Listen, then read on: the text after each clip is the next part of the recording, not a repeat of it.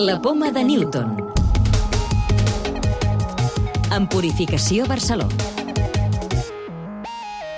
Aquesta setmana us parlem d'unes mini partícules molt especials, les que estan desenvolupant diversos centres catalans per atrapar el SARS-CoV-2 i destruir-lo.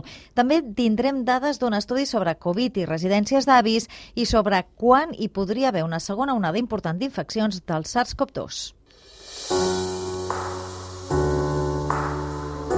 Investigadors de diversos centres catalans participen en un projecte conjunt liderat per l'empresa B. Brown per desenvolupar unes nanopartícules que el cos pugui metabolitzar i que siguin capaces d'atrapar i inactivar el nou coronavirus. S'inocularien a pacients infectats i atraparien el virus. Després, amb l'aplicació de llum, s'escalfarien per destruir-lo i desapareixerien sense provocar efectes secundaris. Ho explica el professor d'Enginyeria Química de la UPC, investigador de l'IBEC, Carlos Alemán. Unes noves nanoparticles que d'alguna manera puguin capturar el virus i posteriorment, mitjançant l'efecte plasmó, l'efecte fototèrmic, acabar amb ell. La diferència amb respecte a les altres particles que s'han desenvolupat fins ara és que nosaltres les volem fer de materials que es puguin després biointegrar amb el cos humà inocular amb un pacient de Covid, aquestes nanoparticles capturessin el virus, amb efecte plasmó es pogués eliminar aquest virus i posteriorment aquestes particles fossin metabolitzades per l'organisme. Aquesta jo crec que és l'avantatge amb respecte a les tecnologies que actualment s'utilitzen amb efecte plasmó. Per triar les nanopartícules més adequades per al projecte faran assajos previs en el supercomputador Joliot-Curie de París.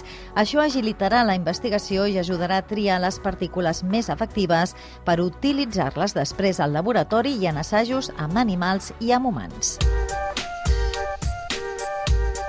Més coses, un 70% de les persones que viuen en residències de gent gran i més de la meitat dels treballadors que s'han infectat de coronavirus no presentaven ni febre ni problemes respiratoris. Ho assegura un estudi de l'Hospital Vall d'Hebron que s'ha fet en 69 centres. Magda Campins, cap d'Epidemiologia de l'hospital, creu que això demostra la importància de fer moltes proves a les residències. El definir si una persona està infectada o no en base a la sintomatologia no és fiable. I, per tant, quan una persona ingressa de nou a una residència o quan un cuidador va treballar de nou a una residència, se li ha de fer una PCR. La segona onada important de Covid-19 es podria produir a principis de l'any que ve. És l'opinió de Pere Joan Cardona, director del Centre de Medicina Comparativa i Biometge de l'Institut de Recerca Germans Trias i Pujol, que destaca que el fred i la poca il·luminació solar poden afavorir les infeccions. La foscor ens impacta molt, però llavors també s'ha de veure com serà el fred, no? si serà més viu o no, si tindrà més afectació a les mucoses. Possiblement el fred més important serà cap al gener, i és quan ja tenim més afectació, més que no pas a l'octubre o al novembre. Investigadors nord-americans han identificat cinc marcadors de la sang que, si estan alts, determinen un risc més elevat de tenir una evolució greu de la Covid-19 o fins i tot de morir. Han comprovat en 300 pacients que els que tenien aquests paràmetres alts manifestaven més inflamació i més risc de trastorn hemorràgic, cosa que incrementava les possibilitats que necessitaven ingrés a l'UCI o ventilació mecànica. La investigació podria ajudar els professionals a determinar l'agressivitat de la malaltia en cada pacient. Llibres de ciència.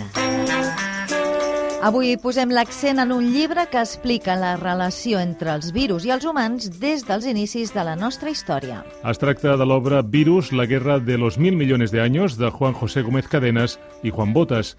Explica per què els humans són víctimes fàcils d'aquests microorganismes i com els virus han modificat la nostra història al llarg dels anys.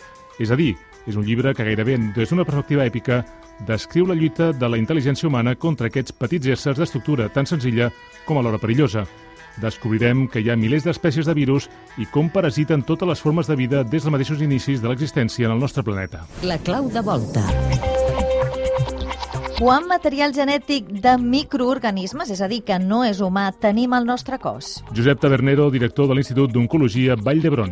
Només el 0,01% de gens són nostres. Vol dir que el 99,99% ,99 dels gens que portem al damunt són gens d'habitants que tenim en l'organisme. Eh? Pues calcula que poden haver entre 3.000 4.000 bactèries diferents, que cada bactèria té els seus gens i en canvi les cèl·lules de l'organisme, totes les cèl·lules tenen els mateixos gens.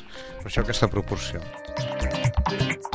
Recordeu que podeu descarregar-vos el podcast de la Poma de Newton o subscriure-us al programa per rebre'l directament als vostres dispositius.